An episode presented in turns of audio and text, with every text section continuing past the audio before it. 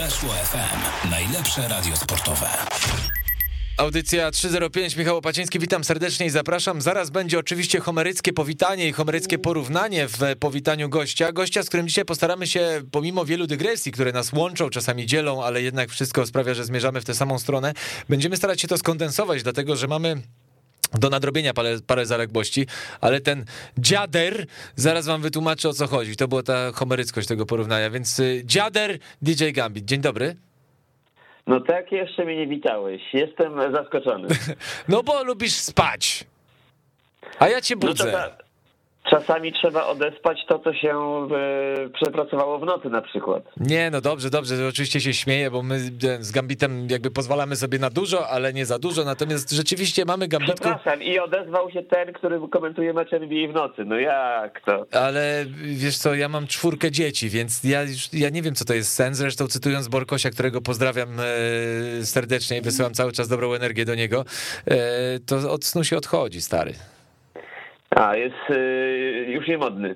Tak, to już takie jest, wiesz, ten sen to rzeczywiście, tak, bo ja, Przereklamowany. Słuchaj, to jest taka poza medialna, wiesz, bo wszyscy się y, pałują, że wiesz, słowo roku, że technologie nowe, wiesz, że w NBA można te 3D i 4K No, oglądać. Słowo roku właśnie dotyczyło snu, śpiulkolot. No, to swoją drogą, ale wiesz, i ja postanowiłem, że ja będę dziaderem. Jakby właśnie, bo staram się używać polskich określeń, nie zawsze mi to wychodzi, zwłaszcza w rozmowach o NBA, ale w takim języku codziennym staram się jednak używać polskich słów, więc nie boomer, a dziader.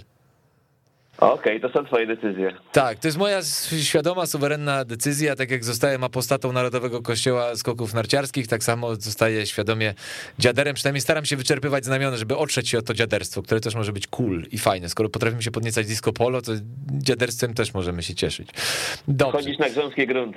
Y, Wiem, bo rozmawiam z, jednak z y, najlepszym y, znawcą koszykówki wśród DJ-ów i najlepszym DJ-em wśród wszystkich fanów, kibiców koszykówki, ale nie tylko kibicem koszykówki, ale naprawdę koneserem. Więc drogi koneserze, chciałbym przerobić twój zeszły tydzień w podróżach. Dzisiaj będzie więcej o Europie, ale NBA też y, wspomnimy, więc żeby już przejść do tematu, kończąc wszel- wszelkiego rodzaju dygresje. mm, To ja muszę jedną, to ja Tak, muszę jedną, proszę. bo e, jak e, rozmawiamy sobie tutaj na antenie co jakiś czas, to wiesz, że dokładnie w zeszłym roku, kiedy anonsowaliśmy nowy sezon NBA, który startował później, No. też robiliśmy program 16 grudnia. Naprawdę? Tak. Ty to, ja, wiesz co, ja szukam kronikarza. Ale tu akurat, tu akurat okej, może bym to pamiętał mniej lub bardziej, ale pamiętam bardziej, bo 16 grudnia są moje urodziny. Ty naprawdę masz dzisiaj urodziny, Gambitku drogi. To wszystkiego Rok temu też najlepszego. miałem. Rok temu. I w przyszłym roku też będziesz miał. Taki jest plan. Ojej, to wybacz to Faux Pais, e, więc zaczniemy jeszcze raz. A więc, e, kochani, przed wami e, człowiek jubilat, człowiek, który w swoje urodziny postanowił poświęcić trochę czasu na audycję 305 DJ Gambit. Dzień dobry, Gambit, wszystkiego najlepszego. Dziękuję bardzo. No w związku z tym ten dziadel jest jeszcze bardziej jest aktualny, więc dobrze zacząłeś. No, czyli dwóch dziaderów, jeden początkujący, drugi już weteran w tej dziedzinie. E, Porozmawia teraz, więc e, pozwól, drogi jubilacie, e, przyjmując oczywiście życzenia mm, serdeczne zdrowia i szczęścia. Jak dużo szczęścia i zdrowia kosztowały cię zeszły tydzień w podróżach po koszykówce europejskiej? Mam na myśli zwłaszcza mistrzów Polski w Ostrowie, bo piękny mecz i jaka piękna znowu porażka. E, tak, wybrałem się do Ostrowa na już drugi mecz Ligi Mistrzów, bo ten pierwszy z HPL-em też miałem okazję oglądać z trybun e, Areny Ostrów. Mm, e, No my sobie po, tej, po tym zwycięstwie z HPL-em, który był w dosyć silnym składzie, ale z drugiej strony nie prezentował takiej formy, jak, jakby ten skład ich do tego predysponował, co zresztą potem skończył się dymisją trenera zespołu Izraela. Ale wracając do tego spotkania, no liczyliśmy, że tutaj jakby siłą rozpędu własnej hali i siłą własnej hali Ostrów z tą Baxi Manresą powalczy i powalczył, ale tylko można powiedzieć w pierwszej połowie. Potem Manresa tą e, e, sytuację kontrolowała.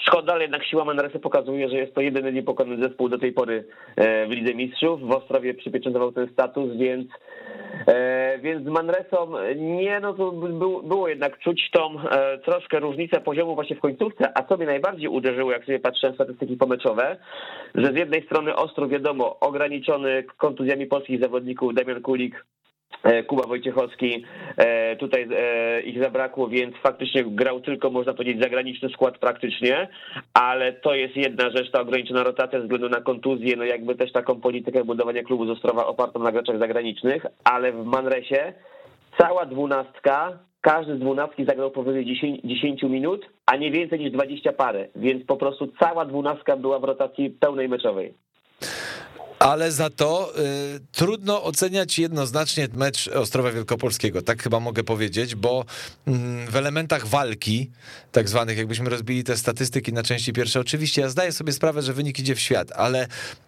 Mam takie wrażenie, że na przestrzeni lat i obserwacji polskich klubów, e, chociażby w Lidze Mistrzów, bo czy w ogóle w europejskich pucharach, e, ale no jednak ta Liga Mistrzów, no to jest zaraz ta obok Euroligi, więc na nią się też patrzy, ta druga główna liga, tak, w Europie.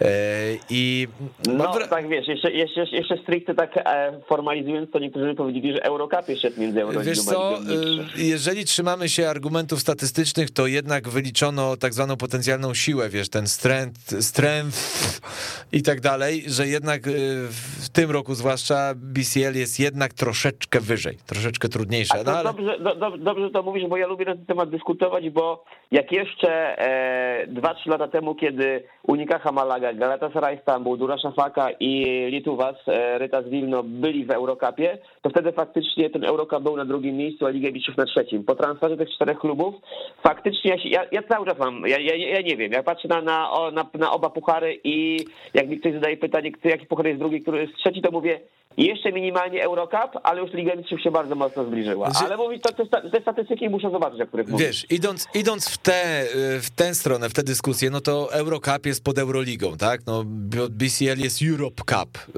Y, jest cały ten pierdzielnik związany z tym, co właśnie na szczęście do czego nie doszło w piłce nożnej, chociaż i tak już powoli dochodziło, jest jakaś liga, konferencja, jakieś inne pierdoły. No ale to jednak ale... jest też pod UEFA. Tam jest stricte, to jest hierarchizowane, czyli Liga Konferencji najniżej, potem Liga Europy i Liga Mistrzów i to wszystko jest w ramach UEFA, no więc właśnie. jest to wszystko pięknie poukładane, a Superligę bardzo mocno zdusili. A tu jednak jest to, co, to, co w piłce nożnej się nie ziściło, tu już od dawna jakby króluje. Dlatego ja kolegom po piórze zajmujących się piłką nożną właśnie przestrzegałem, mówię, nie pałujcie się Superligą, bo dojdzie do tego, co jest w koszykówce europejskiej, czyli do jednego wielkiego bałaganu, e, który jest i przez to takie dyskusje mamy, czy w wyższości Eurocupu nad BCL, tak, no bo jedyne, co jest nie, bezdyskusyjnie, to Euroliga i to wiemy.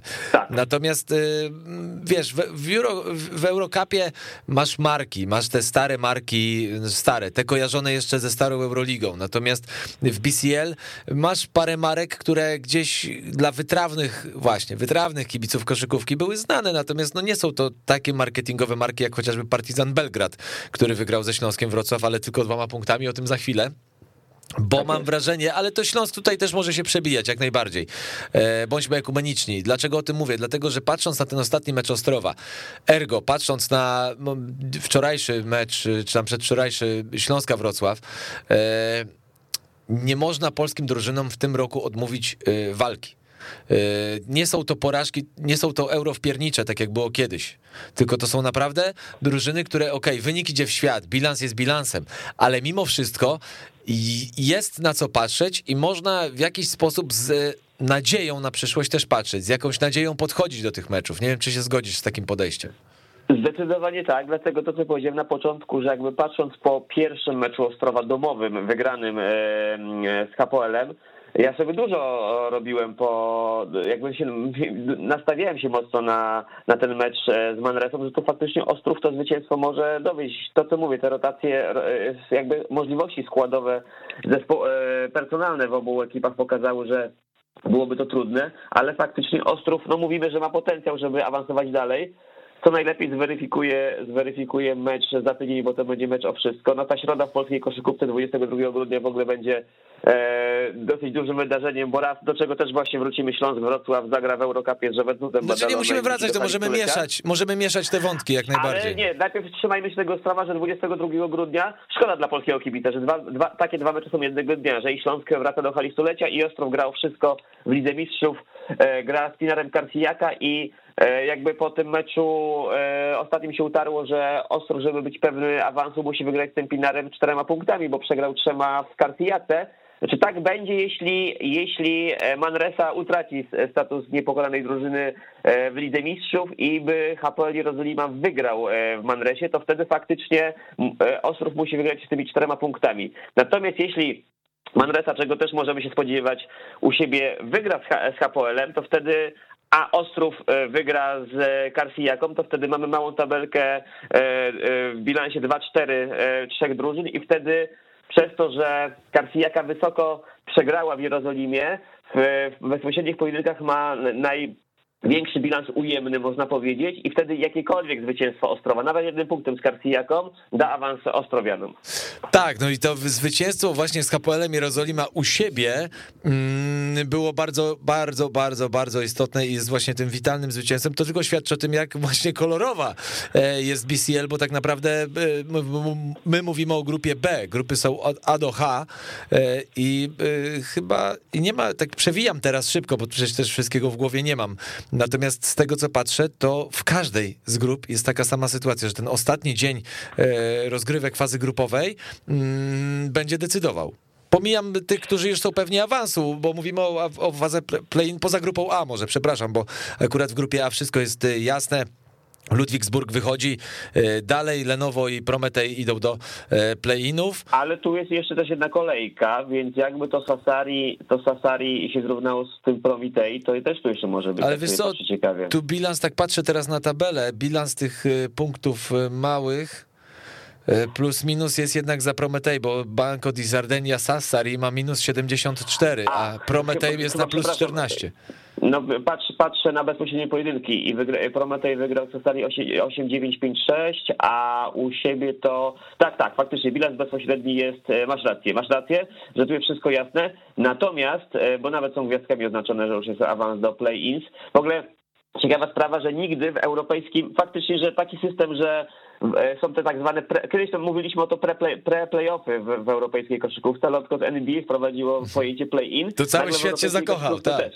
Tak, też jest play-in. Natomiast e, o ten sam system chciałem powiedzieć, że to jest ciekawe, właśnie to, o, co, o czym mówisz, że dalej w Lidze Mistrzów praktycznie oprócz tej grupy, a wszyscy są w grze, spowodował ten system, że e, z miejsca drugiego i trzeciego też się dalej wchodzi, a miejsce pierwsze jakby też jest premiowane tym, że jakby tą pierwszą rundę e, opuszczasz i e, masz spokój, to ten system jest innowacyjny i widać, że się sprawdza.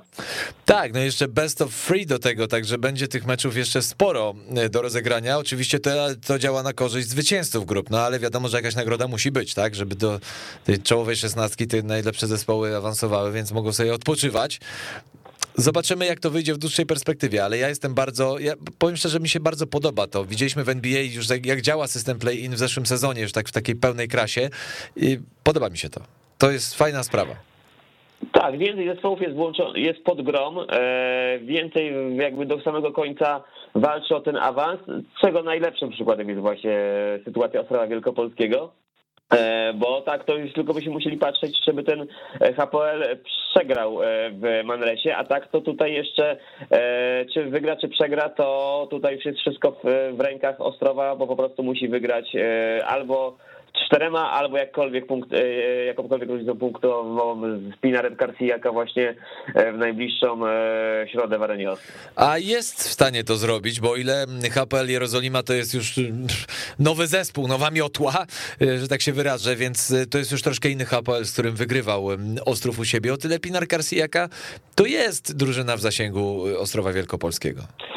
Tak, szczególnie te ostatnie mecze Pinaru pokazują, który jak HPL zwyżkuje po tej zmianie trenera, to po meczach Pinaru widać, że e, ten początek był mocny, natomiast jak sobie patrzę E, na ich właśnie ten mecz właśnie przegrany, przegrany 6-5, 8-5 bardzo wysoko z HPL-em u, u siebie. E, no pokazuje, że tutaj faktycznie Ostrów powinien wykorzystać przewagę swojego parkietu. Tak samo z Manrezą. E, wcześniejszy mecz przegrał 8-8, 6-9, więc te bilanse są bardzo znaczące. No i tu należy upatrywać szansy. Też wiadomo, że kontuzja Kuby Wojciechowskiego jest poważniejsza, ale jest szansa, że Damian Kulik zagra w tym meczu, więc ta siła ofensywna też będzie ostro większa. E, no więc ja sobie, sobie, sobie, sobie dużo obiecuję. Żałuję, że nie będę na ten mecz mógł się wybrać po raz trzeci na Arenę Ostrów, bo będę w tym momencie w hali stulecie i to nawet nie prywatnie, ale zawodowo na, na Wrocławiu. No i właśnie, chciałem trochę może nie poznęcać się nad Śląskiem Wrocław, bo to byłoby nieeleganckie i w ogóle złe określenie, bo znowu Śląsk Wrocław w Eurocupie, e, trochę syndrom, trochę syndrom Ostrowa w Lidze Mistrzów, czyli elementy walki są ale znowu czegoś brakuje. No oczywiście inny, zupełnie inny format rozgrywek, tak, bo dwie grupy i tak dalej, 10 drużyn, więc taka raczej konstrukcja starej Euroligi niż, e, niż BCL, ale mimo wszystko... Starej Euroligi drugiej, drugiej fazy grupowej. Tak, tak, tak, tak, dokładnie, więc... Y, no właśnie, jak tu czytać ten Śląsk? Tutaj bardziej ja, ja oddaję stery tobie w tej audycji w tym wątku. E, to najpierw co do systemu rozgrywek, bo to też warto powiedzieć na początku, żeby się kibice odnaleźli, bo też został zmieniony. Są dwie grupy po 10 drużyn i wychodzi aż 8. I ktoś by mógł powiedzieć, że a no to w sumie po 3-4 kolejkach dla niektórych zespołów walka się kończy, no bo wiadomo, że już mają pewny awans, bo tu 3-4 zwycięstwa pewnie powinny e, dać awans, no bo jednak z dziesiątki aż 8 wchodzi, 80% grających drużyn. Ale ten nowy system Eurocupu to jest chyba pierwszy system, który tak e, może motywować te czołowe drużyny do grania o jak największą liczbę zwycięstw, ponieważ e, kiedy wyjdzie ta szesnastka po osiem z obu grup, jest oczywiście granie na krzyż pierwszy z grupy A gra z ósmym z grupy B i tak dalej, ale te playoffy, ta, fa ta faza playoff e, jest w takim systemie, w którym jestem w stanie zaryzykować, jeszcze nigdy nie został, nie został rozegrany ten system playoffów, bo gra się tylko jeden mecz u zespołu, który jest wyżej notowany. Czyli jak ktoś wygra grupę A, to do finału czyli jedną czwartą, jedną, e, w sumie jedną, przepraszam, jedną ósmą, jedną czwartą, jedną drugą, gra mecze u siebie, a zespół z e, porównywalny bilans z pierwszych miejsc grupy A z grupy B, który ma lepszy bilans, jeszcze finał gra u siebie. Więc ktoś jak ma najlepszy bilans w, Eurocup, Eurocupie, gra jedną ósmą, jedną czwartą, jedną drugą i finał, gra u siebie, to jest jedno spotkanie i to są jakby cztery spotkania do awansu do Euroligi, więc ten system jest zupełnie nowy. Sam jestem ciekaw, jak to się w praktyce e, sprawdzi, więc zanim jeszcze przejdziemy do samego Śląska, jak ty to widzisz, taki system? E, wiesz co, on, jak to tłumaczysz, i tak to e, jakby bardzo prostym językiem tłumaczysz, wiesz co, to on jest już taki na wskroś amerykański się robi, to znaczy yy, dla nas Europejczyków, jak, jak się... Tak, jak dotykasz systemu, na przykład, nie wiem, weźmiesz, yy, strzelam, nie reklamując, bo i tak w Polsce mało popularne, weźmiesz do ręki yy, komórkę Neka, albo weźmiesz komórkę BlackBerry, Wiesz, jestem dziaderem, więc jeszcze pamiętam, że były komórki Neka. E, ale jak weźmiesz takiego Neka albo BlackBerry, to zanim się pokumasz, że to jest takie intuicyjne, to musisz to złapać, o co w tym chodzi, nie? To tak jak, wiesz, gospodarz gościa, jak oglądasz mecz NBA, no jak ja robiłem, teraz miałem taki maraton i po meczu NBA następnego dnia miałem mecz europejski, to na pierwsze dwie minuty popierdzieliłem drużyny, bo, się grafika, wiesz, przekręciła z prawej na lewą, wiesz, o co chodzi. Jakby, bo tak. gospodarz w Stanach jest po prawej stronie ekranu, w sensie na pasku, a po lewej jest zawsze gość, tak, że gość jest jako pierwszy. Tak, i, i w nomenklaturze europejskiej zawsze, mówiąc kto gra z kim, to na pierwszym miejscu wymieniamy gospodarza, a Amerykanie podają Gościa. na drugim miejscu gospodarza. Tak, tak, dokładnie, więc jakby to jest, y, więc jakby tłumacząc, idąc dalej, krok dalej, czyli w bardziej skomplikowane arkana y, y, funkcjonowania Eurocupu, tak, brzmi to cudacznie, ale ma to sens. Właśnie dlatego, tak, żeby to... uniknąć tej sytuacji, o której mówiłeś. A dobra, klepniemy cztery mecze i mamy awans, niech reszta się martwi. No nie, no nie, bo te bilanse w ostatecznym rozrachunku mają ogromne znaczenie, to skłania do gry. Wiesz co, to jest taki bardziej rozbudowany system obecnej Euroligi, bo w Eurolidze masz 16 drużyn. E, 18. E, przepraszam, 18, tak, w zasadzie od razu playoffy, w cudzysłowie niektórzy śmieją, że od razu playoffy. E, ale to wiadomo o co chodzi. Więc tutaj no, trzeba wyeliminować jednak jakieś ziarna od plew odcedzić i potem, żeby te playoffy były rzeczywiście w jakimś tam kształcie. Więc ma to sens. Jakby się temu tak, głębiej się, przyjrzeć, ma to sens. To podoba właśnie, że to będzie taka powiedzmy szybka gra, e, bo to nawet jeszcze jest dalej to idzie niż system NCAA, bo w March Madness rozgrywają też po jednym spotkaniu, ale jednak na terenie neutralnym, a tu jednak jest ta przewaga swojego parkietu. Będzie to ciekawe, natomiast jeszcze do Śląska. Wiadomo, e, historia Śląska tego sezonu pokazuje, że przyjście Andrzeja Urlepa odmieniło tą drużynę, co niektórzy wątpili, że że jednak trener, e, trener starej daty, że już jednak e, się realia pozmieniały, że to już może być ciężko, żeby się odnalazł. Jak pokazał, szybko się odnalazł. I to oczywiście przyjście też Trevisa Trice'a też wiele zmieniło, tak więc to jakby to jest system naczyń połączonych. I w tych wszystkich meczach, które Śląsk grał w ostatnim czasie, poza oczywiście meczem z Lokomotywem Kuboń Krasnodar, który też miałem okazję oglądać jeszcze w hali Orbita, E, to e, we wszystkich tych meczach po przyjściu trenera Andrzeja Urlepa naprawdę Śląsk był e, bliski wygrania. No zawsze wiadomo, że na końcu, na końcu liczy się liczy się sam wynik, natomiast natomiast tak w tych meczach, czy z Boulogne tym francuskim, czy mm, teraz sobie szybko patrzę, mm, o, chodziło mi o Trento, przecież tam przegrana pod, pod ogrywce w Trydencie. Przyszło zwycięstwo z Hamburg Towers, no już gdzie jak niekiedy, jak, jak nie wygrać z Hamburgiem, który się no, wydaje... Wiesz co, tak ci przerwę tu z Hamburg Towers, gdzie to jest ten pojedynek cały czas, czy walka w tabeli o to właśnie, kto pójdzie dalej, tak? No bo tutaj, tu trzeba patrzeć na ten spód że tak się wyrażę. Tak, dokładnie, dokładnie, dokładnie. I przed sezonem patrzyliśmy sobie, z kim tam możemy powalczyć ten awans, to właśnie wymienialiśmy Hamburg, wymienialiśmy Trento, wymienialiśmy Litka Belis i jeszcze... No i ta Bolonia e, wskoczyła jeszcze. Tak, tak, e, tak, e, więc, więc tak naprawdę tu z tym właśnie we Francji, z Boulogne tutaj było na styk. Z Trento po dogrywce. Przegrana Wankarze była dosyć wyraźna, chociaż tam też do połowy trzeciej kwarty jeszcze w miarę się Śląsk trzymał w grze. No mówię, Lokomotiv, Lokomotiv wyjaśnił i pokazał, gdzie jest liga VTB, a, a gdzie reszta.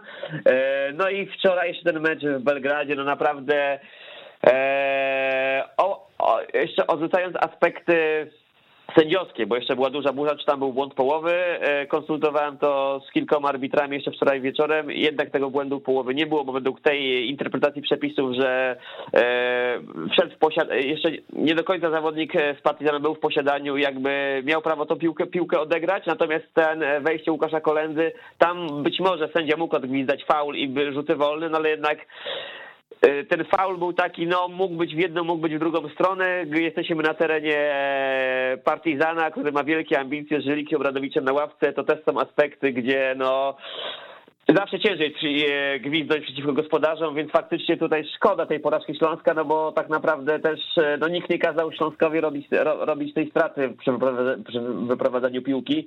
No, łatwo oczywiście jest mówić z pozycji fotela, to jest mecz i ktoś zawsze może powiedzieć wyjdź i sam, i, i sam lepiej podaj, więc tutaj absolutnie nie obwiniam, tylko no bardzo szkoda, że, że, że w zasadzie w prostszym aspekcie koszykarskim, czyli wyprowadzaniu piłki, no przez to troszkę Śląsk ten mecz e, przegrał, bo naprawdę no, znakomicie prezentował na tle tego Partizana, grając właśnie bez e, Trajsa, tak?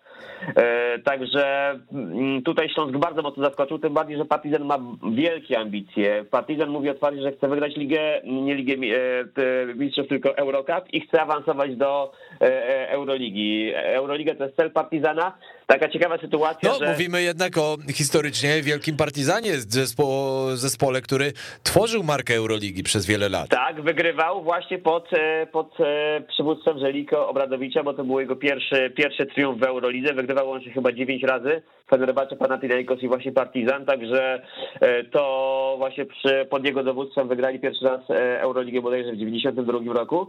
No i teraz tej sytuacja taka, to najlepiej obrazuje ich ambicje. E, w Belgradzie są dwie hale, powiedzmy, takiego europejskiego formatu. Ta, nowa Stark Arena 20-tysięczna, w której wczoraj był mecz e, Partizan Śląsk. Natomiast ten tydzień jest, jest, jest w Eurolidze tym tygodniem, który się zdarza średnio raz w miesiącu, że są dwie kolejki Euroligi, czyli zespoły grają e, systemem wtorek lub środa i czwartek lub piątek. No i we wtorek był mecz w Belgradzie Cweny Zvezdy z Barceloną. I wielka Barcelona z Cweną Zvezdą E, zagra, zagrała w tej mniejszej hali e, Pionier na 9 tysięcy, gdzie był komplet e, ludzi, też byli przedstawiciele tutaj Śląska Wrocław, chociaż podobno przez to, że była cała wyprzedana, to zawodnicy nie, już nie było biletów dla nich, więc... No wiadomo, działacze mają pierwszeństwo. No. Mecz euroligowy trwa na Zvezda Barcelona w mniejszej hali, a Partizan Śląsk w hali większej, nowocześniejszej, więc to też pokazuje, gdzie ten Partizan chce dojść. No, że Liko Bradowicz był, on wiadomo, że to nie od dziś, e, że on się potrafi zagotować, ale już był tak czerwony dosłownie na twarzy, że naprawdę go ten Śląsk mocno zaskoczył. No słuchaj, nawet najlepsi zaliczają w, w padzioszki, więc tutaj akurat niech będzie, znaczy inaczej, nie, nie umniejsza to absolutnie tego, że walczność się Śląskowi Wrocław, żebyśmy mieli jasność, tak? Natomiast... No... Absolutnie, no ja jestem pełen podziwu, no bo ciężko się jeszcze bez, mówię, bez Trajsa kluczowego gracza, raczej się e, można było spodziewać, że to będzie takie bezpieczne, bezpieczne dogranie, żeby nie było wysokiej porażki, a tutaj na minutę przed końcem Śląsk prowadził trzema punktami, tym bardziej szkoda tej porażki. Tak, to, to zdecydowanie, natomiast no zobaczymy, trzymamy kciuki na pewno za e, wszystkie polskie zespoły, no Legia też e, przecież w Europe Cupie. Ale nie, jeszcze muszę nie chcę traktować pom- nawiązać. No proszę jeszcze bardzo, muszę nawiązać do Śląska, no bo my tu cały czas o tym, co było, ale najważniejsze, co będzie. 22 grudnia po 17 latach Śląsk oficjalnie wraca do hali stulecia we Wrocławiu. Mm, ostatnio właśnie z Kamilem Hanasem sobie o tym rozmawiałem, kiedy, e, kiedy ostatni raz Śląsk o punkty zagrał w hali stulecia. To bo... za jego czasów chyba. No właśnie, ponieważ e, dlatego podkreśliłem o punkty, bo sam robiłem turniej o Puchar Adama Wójcika w 2014 lub 2015 roku, gdzie był bodajże Benetton Treviso, Turów Zgorzelec i ktoś jeszcze. E, I to był sezon chyba 2014-2015 i wtedy ten turniej przedsezonowy był w hali stulecia, ale Śląsk grał cały sezon e, w orbicie. Natomiast ostatni mecz, i Kamil do mnie mówi, wydaje mi się, że to był mecz albo z Polfarmą, albo z Wietówasem. I miał doskonałą pamięć, bo faktycznie ostatni mecz ligowy e, Śląsk zagrał, teraz żebym dokładnie nie pomylił dat, był to e, ja teraz sobie to bardzo szybko otwieram i już mówię, ostatni mecz ligowy Śląska był w grudniu 2004 roku i dokładnie był to 18 grudnia i to był mecz z Polfarmą Starogard, a trzy dni wcześniej, 15 grudnia z Lietuwasem Ryta z Wilnu, czyli praktycznie równiutko po 17 latach i ten mecz z był w ULEP Cupie, czyli teraz to jest właśnie Eurocup, ten wcześniejszy ULEP Cup, dokładnie po 17 latach i kilku dniach Śląsk wraca do hali stulecia, do legendarnej hali stulecia. Jest specjalnie nowy parkiet w hali kupiony. Już widziałem pierwsze zdjęcia, pierwszy film, jak to się prezentuje, no prezentuje się znakomicie, więc tym bardziej się cieszę, że będę mógł zagrać muzycznie na tym meczu. Natomiast no ja też również wychowany na legendzie Śląska w latach 90. i przełomu wieków, to i pamiętam te legendarne mecze w hali stulecia jeszcze tylko w telewizji oglądane, to dla mnie jest to też wielka sprawa, nawet tak wewnętrznie, jako fana koszykówki, że to się dzieje. No tak, tym bardziej, że akurat te dwa mecze historyczne 17 lat temu yy, rozdzielało inne historyczne wydarzenie, czyli twoje urodziny, które były po drodze. Eee, tak, faktycznie można tak to No bo to był 15 grudnia, tu 18, no a jeszcze po drodze jest 16, czyli urodziny DJ Gambita. I Beethovena, jak się okazuje. No, jak czerpać to od najlepszych wzorca. tak więc to o Śląsku i Śląsk już wszystkie mecze w Eurocupie... Ja powiem ci, że a propos urodzin, to ja mam tylko wtedy, kiedy Paul Millsap ze znanych osób. No to też yy, bliżej niż dalej, jeśli chodzi o twoją tematykę. Znaczy, dziader, no. nie o to chodziło mi do końca, natomiast zmierzam do tego, że Śląsk już wszystkie mecze w Eurocupie e, zagra, e, zagra w hali stulecia i to właśnie będą te w sumie największe marki, bo i będzie Morabank Andora i będzie właśnie Partizan Belgrad mecz domowy. To będzie, będzie także mecz z Ankarą, z Trento, z Poniewierzą i z Buloń i również te dwa najbliższe mecze ligowe z Zastalem Zielona Góra dzień po świętach 27 grudnia i w Nowy Rok 1 stycznia ze Stalą Ostrów. Tu również Śląsk gra w hali stulecia, więc no ten basket w tym, w tym wrocławskim legendarnym wydaniu, można powiedzieć, wraca do domu. No wiesz co, ja muszę zobaczyć, kiedy jest dokładna data meczu Śląsk-Wrocław Partizan Belgrad, bo tu akurat nawet bym się do Wrocławia może wybrał na wycieczkę. Już ci mówię, 22 no, marca.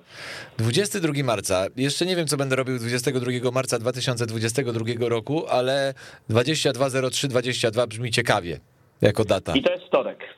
I to jest wtorek. To nie wiem, co będę robił we wtorek. Natomiast, dobrze mówię, tak, tak, tak to, to, jest, to jest wtorek. Natomiast kończąc wątek Śląska, jeszcze stając na polskich parkietach w Europie, to o tej Legii wspomniałeś, bo ja w zeszłym tygodniu, będąc we wtorek w Ostrowie, pojechałem sobie w środę na mecz Legii z Parmą Perm, raz, że pierwszy mecz Legii w drugiej fazie FIBA Europe Cup, czyli puchar czwartej kategorii w Europie i tutaj już raczej nie ma wątpliwości. No tutaj nie będziemy dyskutować. E, tak, e, czyli już nawet e, odnosząc się do piłki już nawet coś niżej niż Liga Konferencji Europy, ale są też rozgrywki europejskie ważne, szczególnie dla drużyn właśnie powiedzmy z tego drugiego, trzeciego szeregu w, w rozgrywkach krajowych. No a szczególnie ten mecz było tyle ciekawe, że przyjeżdża Parma Perm, gdzie jest nasz Marcel Ponitka. Marcel przyjechał, ale niestety kontuzjowany, bo tą kontuzję po meczach kadry tam sobie coś naciągnął, no i tutaj przyjechał razem z zespołem, żeby się troszkę podleczyć do Polski. Ta przerwa będzie wynosiła około trzech tygodni. No i Legia też zagrała znakomite spotkanie w drugiej połowie, bo w pierwszej do przerwy przegrywała 23 punktami i odrobiła te 23 punkty i nawet wyszła na prowadzenie i podobnie jak Śląsk troszkę źle rozgrała te ostatnie akcje i było blisko, ale za to wygrała wczoraj w Holandii. e, więc bilans mają na razie 1-1 i się wydaje, że są w stanie zrobić ten awans i wyjść z drugiego miejsca, bo Wydawało się, że ci ten zespół holenderski będzie najsłabszy w grupie, chociaż to wyświetlane powiedzenie, ale w drugiej fazie już ciężko szukać słabych, no ale ktoś będzie słabszy, ktoś silniejszy. Wydawało się, że ten niemiecki Medi Bayerut będzie tutaj się bił z Legią, a Medi Bayerut przegrał ten pierwszy mecz z Holendrami, przegrał też wczoraj w, w Rosji, więc Legia jest na razie na trzecim miejscu po dwóch kolejkach, e, więc tu powalczy awans, tak samo jak Treffel, który przegrał u siebie ze Sportingiem Lizbona, ale wczoraj pojechał do, za to do Lizbony, do Benfiki i wygrał i też ma bilans 1-1 i też w grze awans, więc fajne mamy to jesień, zimę, że wciąż tyle naszych polskich zespołów jest w grze o awans w swoich pucharach. Tak, to z tym, że na awans do jeszcze kolejnej fazy rozgrywek Europe Cup to musimy poczekać, bo 12 stycznia dopiero trzecia kolejka tej drugiej fazy grupowej. E, tak, tak. Tu jest, tu jest ta przerwa, wiadomo, świąteczno-noworoczna, można powiedzieć. Tu też jakby są no trzy, mm, e, jakby są, każdy zespół ma trzy mecze u siebie, trzy na wyjeździe, więc tych meczów jest troszkę mniej niż w, w Eurokapie. Podobny system jak w Lidze Mistrzów, e, także tutaj te rozgrywki są bardziej rozciągnięte. Jeszcze Trefy ma taką sytuację, że ma dwa wyjazdy do Lizbony, no jeden już zaliczył, ale gra w grupie z tą Oradeą, która, która w pierwszej fazie wyszła z Legią Warszawa z grupy, a z tą Oradeą o awans walczyło Porto i gdyby Legia e, nie wygrała z tym Porto w ostatniej fazie, kiedy już miała pewny awans, to by to Porto wyszło do tej grupy, więc Tref miał trzy portugalskie drużyny w swojej grupie. No ma i tak dwie, ale to by była w ogóle sytuacja dosyć nietypowa, że i Benfica, i Sporting, i Porto by, by były rywalami e, z Sopocie, no to już takie dywagacje bardzo luźne. No wiesz, Sopot, Portugalia, te sprawy słoneczne, to zgrywa, kurorty. To się zgrywa, tak, to, to, się, zgrywa. to idealnie się komponuje, to, to zdecydowanie. Natomiast musimy też pogadać, e, Gambit, e, wrócić na, do bieżących spraw związanych z koszykówką z NBA, bo tutaj podsumowaliśmy pięknie miniony tydzień, minione dni, no ale trzeba też zajrzeć za ocean e, i na to, co się dzieje na świecie, że tak powiem, czyli jakby wiesz, alma mater koszykarska, chociaż to duże nadużycie, bo Kanada jest tym miejscem, gdzie... E, to nieważne. E, to zostawmy. E, w każdym razie, mm, wiesz co, ja dzisiaj tak się zastanawiałem, jak ugryźć temat NBA, żeby nie popłynąć, wiesz, w jakieś takie oczywistości i naprzeciw wyszli mi panowie z meczu New Orleans Pelicans Oklahoma City Thunder. Znaczy, dokładnie Thunder Pels. Ty widziałeś, co tam się działo w końcówce? Te rzuty za trzy? Najpierw Shea Gilgis Aleksander, a potem Devonte Graham? Bardzo mi się podobało, tak, widziałem i bardzo mi się podobało porównanie na Twitterze Łukasza Ceglińskiego, że coś jak e, sytuacja Anwil Śląski, rzut krzykały. I dokładnie to taka sytuacja, można powiedzieć, prawda? No tak, tym bardziej, że wiesz, po tej trójce Szeja, e, bo akurat no tutaj każde medium społecznościowe zajmujące się koszykówką, to ma wszędzie ten, ten filmik z ostatniej sekundy jest, jest wszędzie. I kiedy trafił Shea Gilgis Aleksander, to ja sobie myślę, nie no, po meczu, po meczu, po czym nagle mówię zaraz, ale o co tu chodzi? Jak, jak, jakim cudem? No ale tak się po prostu zdarza, tym bardziej, że nie spotkały się potęgi tego sezonu, to jest tak swoją drogą. Tak, to prawda, no ale wiadomo, ten rzut w ostatniej sekundzie prawie z własnego pola rzutów za trzy punkty, no to, to są zawsze takie historie, które pobudzają wyobraźnię, tym bardziej, że jesteśmy jeszcze dzień po pobiciu przez e, Kerego tak. trójek all time, więc to są takie rzeczy, które znowu powodują, że ta NBA idzie bardzo, bardzo, bardzo mocno do przodu na tle innych koszykarskich wydarzeń i jest tą, tą rzeczą, na którą patrzy cały świat. Nie masz wrażenia, mm, że jeżeli mówimy, że koszykarzem wszechczasów jest absolutnie Michael Jordan. LeBron go ściga, ale mm, skutki tego są różne, dyskusyjne, aczkolwiek też jest wielkim koszykarzem. O tyle mam wrażenie, że prawdziwym, największym koszykarzem XXI wieku jest y, Stephen Curry. Wiesz co, ja też, e, mnie takie myśli przeszły, jak wczoraj oglądałem te filmiki w różnych konfiguracjach, jak on ten bije ten rekord, był takie... Z Korerem na pewno. Jego wszystkie rzuty. I ja jakby tak, e, przez to, że właśnie jest tyle dominujących postaci w tej lidze, to Steph zawsze tak gdzieś, ja go oczywiście darzyłem dużą sympatią, ale nigdy jakoś tak nie byłem zafascynowany, ale tak jak wczoraj sobie patrzyłem na to, co się wydarzyło, mówię, Kurczę, ale gość jest niesamowity. Jak trzeba to doceniać, że można go oglądać, że jest taki człowiek, bo po prostu, bo on jest na tak kosmicznym poziomie, że niego poziom bardzo dobry, no po prostu spowszedniał. No a wychodzi sobie Steph Curry i znowu rzuci kilkanaście trójek, tak? No co w tym takiego, tak? Czy kilka trójek? No tak, to jest to bierzesz za pewnik ale my się po prostu do tego przyzwyczailiśmy, co jak każdy inny gracz by to robił, a szczególnie czy jakiś gracz, nie wiem, drużynie, której kibicujemy, czy nasz polski gracz, czy cokolwiek, to po prostu byśmy skakali pod sufit, a w jego przypadku, a no po prostu, jak to się mówi, kolejny dzień u niego w biurze, tak? I to jest trochę niesprawiedliwe dla niego. Wiesz co, ja się tak zastanawiam, mm, e, myśląc o tym, powtórzę ci to, co powiedziałem w dzisiejszym poranku, e, bo jestem zafascynowany, jestem pod dużym wrażeniem właśnie etosu pracy, bo to nie jest tylko talent, ale to jest pewna zmiana. Zmiana i dlaczego mówimy o tym, że Stephen Curry zmienił koszykówkę, zmienił rzut za trzy, bo kiedyś jednak ta trójka to była takie, wiesz, e, taka technika użytkowa. To był rzut, który robił różnicę, ale to nie był popularny rzut, to nie był najpopularniejszy. No sam fakt ilości czy liczby spotkań, której potrzebował Ray Allen, żeby swój rekord ustanowić, a po prawie połowę mniej potrzebował Stephen Curry. E, do czego zmierzam? Z siermiężnego, może nie siermiężnego, ale z rzutu technicznego robiącego różnicę powstało nam takie kowalstwo artystyczne troszeczkę, e, że zawodnicy to naprawdę trenują, wszyscy już w tej chwili, nie ma tak, że ktoś się specjalizuje, tylko wszyscy, to jest raz, a dwa, to Stephen Curry, sam fakt, że on trafia za trzy, nie zmienia jeszcze koszykówki. Koszykówkę zmienia to, że 70 tych procent rzutów on to robi bez asysty. I to jest kluczowe w tej dyskusji, bo wcześniej 70% rzutów za trzy było asystowanych, a Stephen Curry potrafi się sam wykreować. On jest doskonałym ballhandlerem. W sytuacjach, kiedy Warriors przez dwa ostatnie sezony byli w kryzysie, jest doskonałym rozgrywającym, bo też ma przegląd pola, bo musi widzieć, żeby wiedzieć e, i, i, i tak dalej. I ja myślę, że tutaj jest cała magia Stephena Curry'ego i to jest coś, czego, przepraszam, nie zaproponował nam LeBron James. LeBron James doszlifował pewne rzeczy do perfekcji, pewien styl gry, no wiadomo, styl gry jest zupełnie inny, ale LeBron, jego wszechpozycyjność, jego wszechstronność jest imponująca, natomiast on w tej wszechstronności nie przekroczył żadnej bariery. On ją dopracował do perfekcji, on jest niemal bezbłędny we swojej wszechstronności, natomiast Stephen Curry jednak zaproponował nam coś nowego i pokazuje to, że można. Nie ma... Zgodzę się z tym, ba bardzo trafna analiza i to tak bardzo ładnie rozbiłeś na czynniki pierwsze.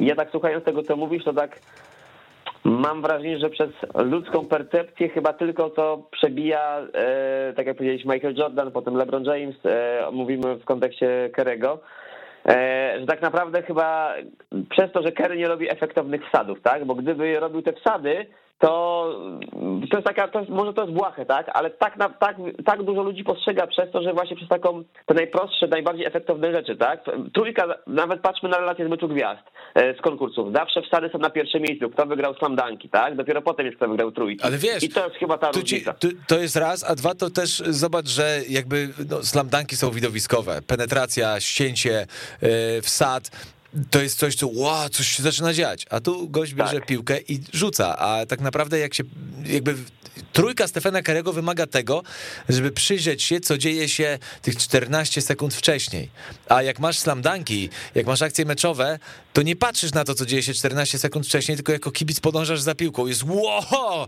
i masz taki efekt wow, przy trójce efekt wow następuje dopiero jak ona wpada w siatkę. I to jest ta, tak. ta różnica chyba marketingowa. Dokładnie. I jednak trójka powiedzmy z normalnej odległości jest już taka powiedzmy wszystkim spoprzedniała, szczególnie w NBA, teraz rzuty z logo jedynie ekscytują, a trójka jest czymś zwykłym. I przez to właśnie, przez to, przez to kowalstwo artystyczne, o którym mówisz, ta zwyczajność, przez to by tak, mm, tak Kerry jest mocniej doceniony dopiero kiedy zrobi jakieś rzeczy nadzwyczajne, bo kiedy robi zwyczajowo swoje fantastyczne rzeczy, no to po prostu wpadły kolejne trójki, ale naprawdę trzeba to docenić, bo gracz jest no absolutnie e, niesamowity i tak naprawdę ciężko, tak jak możemy właśnie się spierać, kto tam był większym koszykarzem w historii, chociaż dla mnie to jest bez sensu cały czas. Tak, ja też tak nie ma, nie ma, nie, do, do niczego nie prowadzi, tak jakbyśmy się kłócili, kto lepszy, czy był Pele, czy Messi w piłce nożnej, a poza tym nie wiem, kto był lepszym, wybitniejszym sportowcem. Tiger Woods czy Lewis Hamilton, tak? No to, to totalnie nie ma sensu. Mm, e, więc tak naprawdę tutaj też e, każdy robi swoje. No i Kerry jest tym, tym graczem, którego naprawdę, naprawdę, jeszcze raz powiem, trzeba doceniać. Absolutnie i zdecydowanie to jest, wiesz, to taka sama dyskusja, jak też, też znowu zaczerpnę z, z poranka dzisiejszego, który miałem przyjemność prowadzić, że um, Steve Kerr, a Phil Jackson. Hmm. Ale wiesz co, o ile przy koszykarzach, y, jak się zmienia styl gry, system gry, mm, przepisy i tak dalej, parkiet, w tym sensie to, co się dzieje na parkiecie, to rzeczywiście dyskusja, czy LeBron James, czy Stephen Curry, czy Michael Jordan mm, nie ma większego sensu. Wiadomo, że dla ortodoksów Michael Jordan będzie zawsze numerem jeden, bo on rzeczywiście realnie coś nowego zaproponował, ale kiedy? Tak, powiem tak, to okej, okay, ale to ja też jestem, ja też jestem wychowany na jego legendzie i też się z tym zgadzam jakbym miał wybrać, jeżeli miałbym wybierać. No z drugiej strony doceńmy to, że najlepszym obrońcą obronę zmienił e, Gary Payton. Walkę na tablicach pokazał nam Dennis Rodman, więc to znowu Jordan Dokładnie. nie był sam ale im późniejsze pokolenia będą dochodzić do głosu wychowanych na Lebronie i później, to jednak e, Michael Jordan będzie się powoli, powoli stawał kimś takim jak dla nas powiedzmy Will Chamberlain, tak? Więc to też ta no tak. się będzie, będzie zmieniać, czy Billy Russell, że wiemy, że był ktoś wielki kiedyś, ale nigdy tak na nas nie oddziaływał. E, też fakt, że jakby dostęp do mediów elektronicznych powoduje to, że więcej tych akcji Jordana e, się przewija w internecie niż tamtych starszych graczy, więc też to jakby jego legenda czy, będzie wiesz, silniejsza, ale bądź co bądź, to coraz bardziej będzie jako taki gdzieś tam gość z archiwów, tak? Zawsze możesz zabić tę dyskusję tak jak zabijają Michael Jordan. Policz pierścienie. No jest to jakiś, jakiś wykładnik bezwzględny. Mało tak? tego, mało tego. Jeżeli policzymy same pierścienie, no to mamy Jordan, LeBron, Kerry. Ale jeżeli policzymy pierścienie zdobyte z jedną drużyną, to Jordan Kerry.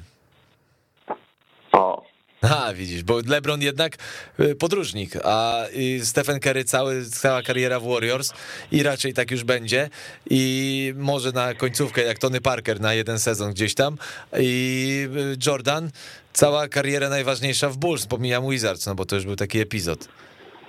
Tak, no to jest to, jest to jakiś wyznacznik, jeżeli mamy się w tę dyskusję bawić, ale jak już wcześniej stwierdziliśmy, no one tak naprawdę są tak tylko... Wiesz co, bo tu poszliśmy w dygresję, to fakt, natomiast y, zmierzałem do czego w tej dygresji, że o ile tak jak pokazujemy teraz, nasza wymiana zdań, że dyskusja o tym, o najlepszym koszykarzu wszechczasów jest lekko bezsensowna, bo zawsze znajdziemy argumenty za i przeciw, o tyle o trenerach wydaje mi się można już głębiej y, porozmawiać. I właśnie mm, nie bez powodu powiedziałem to stwierdzenie Steve Kerr, Phil Jackson, biorąc pod uwagę tytuły mistrzowskie, chociaż w tej dyskusji gdzieś zawsze z tyłu głowy będzie mi krążył, uwaga, Erik Spelstra. Hmm. Myślałem, że rzucisz Greg Popowicz. Nie, nie, Grega Popowicza nie wrzuciłem, dlatego że byłoby to zbyt banalne, dlatego że wiemy, że Greg Popowicz, jeżeli chodzi o e, ciągłość pracy z jedną drużyną, ciągłość e, obecności w playoffach z jedną drużyną, w, i, ilość, e, liczbę wychowanków w cudzysłowie, no bo wiadomo, że w NBA jakby nie uczą się zawodnicy gry, oni szlifują swoją grę, ale przyjmijmy, nazwijmy to sobie po europejsku wychowanków, no to jednak Greg Popowicz y, tu absolutnie jest legendą i to żywą legendą, legendą legend.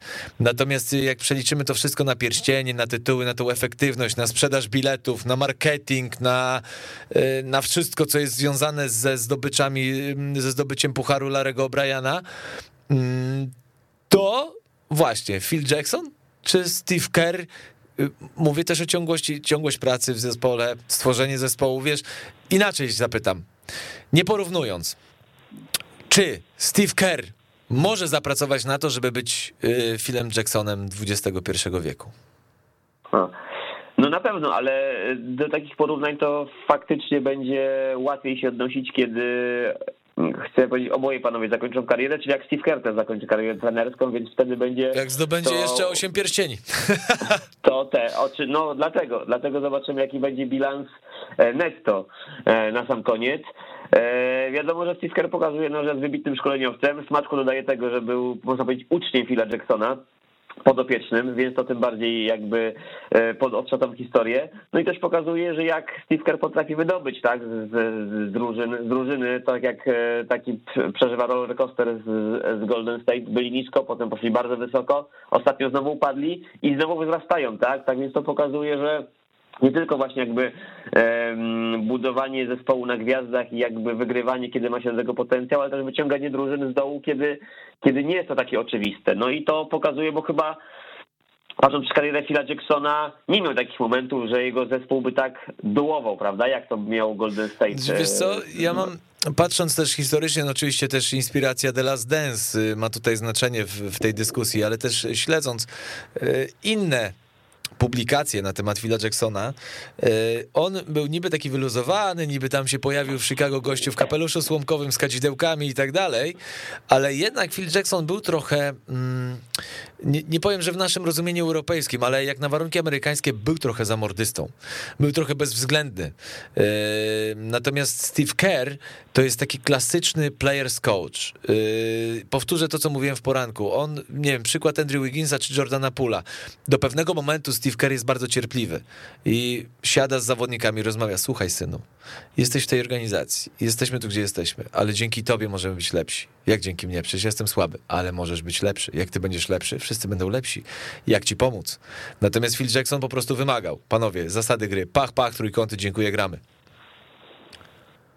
No tak to wyglądało, ale wiesz, to też jest kwestia czasów i podejścia, bo to, co wielokrotnie sami zawodnicy podkreślają, że już jakby się zmienił, zmienił właśnie ten czas zamordystów, jak powiedziałeś, tak właśnie nawet widać na przykładzie europejskiej koszykówki, to co mówiliśmy wcześniej, na, na, nawet w skali mikro, odnosząc się z tego wielkiego świata NBA na mecz Partizana ze Śląskiem. E, dwóch furiatów, można się powiedzieć, spotkało, tak? Żeliko Obradowicz i Andrzej Urlep, ale Andrzej Urlep już też nie jest aż takim furiatem jak kiedyś. Żeliki Obradowicz wciąż potrafi się zagotować, ale też już nie wyzywa graczy, więc nawet na przykładzie tych trenerów... Słuchaj, do Duszko. Iwanowicza to i takim brakuje. Chociaż myślę, że jakby tak zrobić, e, e, zrobić taki ranking all the best, to jednak ten Obradowicz słynnym swoim e, wykładem do Luigi Datome, gdzie tylko dominowały słowa na F, to jednak chyba byłby lider. Nie, to, to tak, natomiast Duszko też przekraczał bariery nietykalności cielesnej, pamiętaj o tym. Tak, chociaż też, też, e, też Obradowicz raz Fenerbahce komuś tam pamiętam z liścia na ławce sprzeda. No, to i tak dzisiaj to najbardziej kolorowy to jest mam wrażenie Starunas Jasiekiewiczus, ale on pewnej granicy nie przekracza, chociaż u niego to jest, e, właśnie z Wojtkiem Michowiczem zawsze mamy takie dyskusje poza anteną, bo ja mówię, Wojtek, no gościu jest po prostu ekspresyjny, on się nie kontroluje jakby nie dlatego, że jest idiotą, tylko dlatego, że e, jest tak emocjonalny, żyje z tą drużyną, ale też z drugiej strony jego wypowiedzi pomeczowe, przedmeczowe, E, wokół drużyny zawsze jest murem za zawodnikami. To jest trener, którego okej, okay, nie chcesz mu podpaść na meczu, ale wiesz, że jak mu nawet jak mu podpadniesz, to on na spokojnie z tobą usiądzie, twardym męskim językiem porozmawia, ale jest jakby dla zawodnika. E, natomiast Wojtek zawsze twierdzi, że to jest marketing. To są takie zachowania już pod publiczkę. Ale ja wielokrotnie jeżdżąc do Kowna, jeszcze obserwując e, Sarasa właśnie na ławce w Żalgierisie, gdzie też właśnie zrobił wielki wynik, z, awansując do Final Four z drużyną z najniższym budżetem e, w Eurolidze, mm, e, to, to faktycznie to ja uważam, że to nie jest taka pod publiczkę, ale on naprawdę tym meczem tak żyje, robi taką suszarkę czasami zawodnikom, potrafi też tam kogoś czasami pchnąć, e, tak jak Arona White teraz miałem e, właśnie okazję widzieć, gdzieś tam mocniej zdopingować, ale to jest, to, to jest tylko warunki meczowe i właśnie zawodnicy sobie zdają sprawę. To jest taka szkoła litewska, bo Tomasz Paczesa za czasów najlepszych waszego To jest nawet szkoła radziecka, bym powiedział. Tak, tak, tak, tak, tak. Też, też strasznie na graczach się wyżywał, ale żaden nie dał złego słowa powiedzieć, bo to były tylko warunki meczowe. A poza tym był absolutnie z drużyną, za drużyną i jakby tutaj brał odpowiedzialność na siebie, więc to, co mówisz, to jest gdzieś to i, i a już właśnie no Steve Kerr jakby też, może też troszkę przez to, że był też tym zawodnikiem e, mocno mm, odgrywającym kluczową rolę w Chicago Bulls, chociaż Jastrzębiewicz już też był wielkim graczem e, jako zawodnik. E, ale to jest powiedzmy, może Steve Kerr też jest taką osobowością. To też może nie wynika też z trendów, ale po prostu on jest takim człowiekiem, że czuje, że tak można trafić do zawodnika na spokoju. No czuję, tak. I zresztą on nawet się wypowiadał, był taki ciekawy artykuł na początku sezonu a propos tego, jak się zdarzają takie blupery zawodnikom, wiesz, różne sytuacje takie takie no śmieszne, z których po prostu za przeproszeniem lejemy, bo to inaczej się nie da określić. E, no i właśnie mówi Steve Kerr, że to jest bardzo ważne i bardzo duże wyzwanie dla trenerów, dla sztabów szkoleniowych, żeby powstrzymać się, no bo cała hala ryczy, koledzy z drużyny ryczą, a trener musi zachować kamienną twarz. Bo wie, że jedno spojrzenie zawodnika na ławkę i może mu zniszczyć cały mecz, mało tego, może mu zniszczyć cały tydzień bo gościu będzie przeżywał, że trener, wiesz, zawodnik zdaje sobie sprawę w takiej sytuacji, że jest duży fuck up.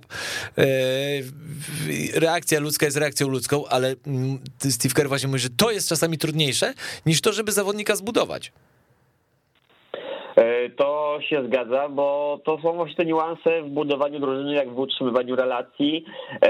Tym bardziej, że na poziomie NBA tam wszyscy są z wielkim ego. Wiadomo, że każdy ma mniejsze, każdy ma swoją rolę. Jedni mniejsi, dru, dru, dru, drugi, drudzy większą, większe to ego, ale bądź co bądź jednak są to, są to najwybitniejsi koszykarze z reguły, więc żeby to utrzymać tą relację, tą, zachować tą równowagę w drużynie, żeby tutaj to wszystko funkcjonowało, no to są takie właśnie drobne rzeczy, o których mówisz, które potem jakby przekładają się na efekt końcowy. No i tutaj dochodzimy do punktu, o którym e, warto wspomnieć, bo e, niezłe e, wiadro fekaliów się wylało w Dallas teraz. Nie, nie wiem, czy to, znaczy to w Stanach jest duże echo tego, natomiast zobaczymy, jak się odbije to na całym świecie, bo nie wiem, czy dotarło już do ciebie, jak mm, Luka Doncic, Rick Carlisle i Tim Hardaway Jr., jaki piękny trójkącik tworzyli, w którym żaden był niezadowolony ze swojej pozycji w, w tym układzie. No właśnie tak śledziłem tego europejskiego kosza, że to mnie ominęło, więc No to e, rewelacja, rewelacja ostatnich dni, to było, ja już mam zagięcie czasoprzestrzenne, więc przepraszam, jeśli pomylę, czy to było wczoraj, czy przedwczoraj, a może dzisiaj bladym świtem, dzisiaj bladym świtem nie, na pewno to było wczoraj albo przedwczoraj. E, wyszło, wyszła sytuacja z Dallas, mianowicie taka, że Rick Carlisle faworyzował bardzo mocno, był zakochany w Luce Donciciu. Nie trudno, nie trudno go zrozumieć. Prosta sprawa. Nie trudno zauważyć. Nie trudno zauważyć, tak. Natomiast bardzo na tym cierpiał Tim Hardaway Jr., który był wręcz niedoceniany, karcony bardzo mocno y, przez trenera Carlyle'a, podobnie jak większość drużyny, zawsze Luka był chroniony. Mało tego, Luka się nawet odezwał, że no, Rick Carlyle fajny trener, ale ja też czułem bardzo duży dyskomfort w tej, y, w tej kwestii. Czyli to w odniesieniu do słów Steve'a Kera, no jednak to są też tylko ludzie, bo my czasami idealizujemy NBA, ale takie mm, zachowania jak Rick Carlisle prezentował w Dallas, jak się zagłębić dalej, to, to też nie powinno się zdarzać w żadnej drużynie na całym, na żadnym zakątku globu. No tak, jeżeli sam Luka już o tym wspomniał. Wiesz, no Tim e, Hardaway no był po prostu strasznie, strasznie ciśnięty. Cała drużyna dostawała po uszach, jak przegrywali, tylko nie Luka, bo Luka oczywiście bohater. Luka sam mówi, że czuł bardzo duży dyskomfort. Y, tym bardziej, że Tim Hardaway to jego kolega, gdzieś tam się kumplują mniej lub bardziej, ale jednak mimo wszystko żyją gdzieś tam razem, blisko siebie. E, no i Tim Hardaway, który dostawał największe strzały, jakie mógł dostawać. Mało tego, e, Tim Hardaway ze sztabem szkoleniowym pracuje, sztab szkoleniowy podpowiada trenerze, ale tu Tim Hardaway może w tej pozycji, może to, może tamto. Rick mówi, nie, to jest drużyna Luki. On ma grać tak, jak ja mu powiem. No tak. No. To zresztą było bardzo, bardzo widoczne w ostatnich, powiedzmy, sezonie, ale szczególnie w ostatnim sezonie, kiedy ta gra naprawdę pod lukę była tak ustawiona, że aż to Dallas było tak przewidywalne. Aż oczy bolały. Będzie, tak, będzie klepał, klepał, klepał i zobaczymy, co zrobi, tak? I to też na dłuższej przestrzeni czasu jest też, powoduje to takie dyskomfortu zawodnika i na boisku, i szczególnie w szatni. Hmm dyskomfortu po, po trzech stronach. Strona drużyny, strona Luki i strona samego zainteresowanego. No to są, Otóż to. to są zachowania, których których być nie powinno. Nie, to taki trend a propos właśnie e, funkcjonowania drużyny NBA, bo mam wrażenie, że my czasami chyba e, jak mówimy o europejskim baskecie i o polskich drużynach e, w Europie, to za mocno podgrzewamy ten płomień pod grillem, a z drugiej strony, jak patrzymy na NBA, to chyba za bardzo cukierkowo patrzymy na to NBA. Takie mam wrażenie. Tak już kończąc, wiesz, bo musimy zmierzać do brzegu, ale tak puentując nasze dzisiejsze spotkanie. Bardzo mi się podoba, co powiedziałeś, bo ja jako orędownik tej europejskiej koszykówki też mam czasami takie wrażenie, że jednak tak patrzymy po matoszemu, a to sobie w Europie grają, tu jakiś jeden puchar, drugi puchar, fakt faktem, że skomplikowaność tych rozgrywek i jakby niejasny podział kto gdzie i no dlaczego gra też sprawy. to wpływa, oj zdecydowanie nie ułatwia, a nawet jak już e, sobie mm, uświadomimy, że okej, okay, tym numerem jeden jest Euroliga, to kibic spojrzy Ej, hello, ale jest jeszcze coś wyżej, jest NBA, więc ja tam patrzę. No i wiadomo, blichtr, e, pełne, wielkie hale, światła, show, najlepsi koszykarze, danki, trójki i to wszystko. I to powoduje, że ta NBA jest tak właśnie idealizowana. Bezwzględnie jest to najlepsza koszykarska Liga Świata, tu absolutnie nie ulega to wątpliwości. Ja też tego nie podważam. Tak, ja też, ale też czasami właśnie lubię tak, e, może nie krytycznie, ale zdroworozsądkowo podejść, że nie wszystko jest super, to oczywiście nie jest odkryciem Ameryki notabene, ale, ale faktycznie trzeba na to patrzeć tak właśnie z pewnym dystansem, że okej, okay, są, robią to najlepiej, ale to nie znaczy, że na, na wszystkich polach jest zawsze idealnie, prawda? Przykład z Dallas chociażby. Tak jest. Nam to mówi e, wyraźnie. Także zachęcamy do świadomego e, patrzenia, świadomego oglądania mm, koszykówki, co udowadnia nam także e, z jednej strony świadome postrzeganie świata basketu z podznaku NBA, a z drugiej strony popatrzmy czasem dłużej na jednego zawodnika w jednej akcji i przekonamy się, że Stephen Curry jest jednym z największych w tej grze, nie tylko jeśli chodzi o liczby. Tak, i cieszmy się jego oglądaniem. Absolutnie i zdecydowanie. E, drogi Gambitku, bardzo, bardzo Ci serdecznie dziękuję. E, ty masz, e, kochany, poza urodzinami dzisiaj, to znowu podróże w przyszłym tygodniu, rozumiem, dalekie. E, jeszcze w ten weekend również na inne dyscypliny, ale ten 22 grudnia właśnie hala stulecia Śląsk-Wrocław powrót, jak to już mówiliśmy po 17 latach, to mocno ekscytuje. Juventus Badalona, z tej Badalony, na której parkiecie grano podczas finału Igrzysk grał legendarny Dream Team, żeby tak tą, tą, tą wielką koszykówką ładnie zamknąć w 92 roku, to właśnie w Badalonie, a nie w Barcelonie. Michael Jordan i Półka wygrywali olimpijskie złoto. I teraz ten Juventus z tej hali, z tego parkietu na parkiet hali stulecia do Wrocławia przybywa. Dlatego tym bardziej, jeżeli chcecie usłyszeć e, najlepszego muzykopuszczacza, bo wiem, że się nie obrazisz za te słowa, to mm, zapraszam też do hali stulecia 22 grudnia.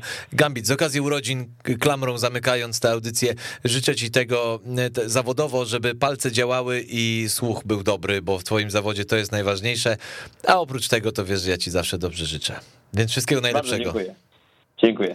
Dziękujemy bardzo. To była urodzinowa audycja y, DJ-a Gambita z moim skromnym udziałem. Y, dziękuję za 305. Trzymajcie się, do usłyszenia za tydzień. Cześć. Dzięki. Weszło FM. Najlepsze radio sportowe.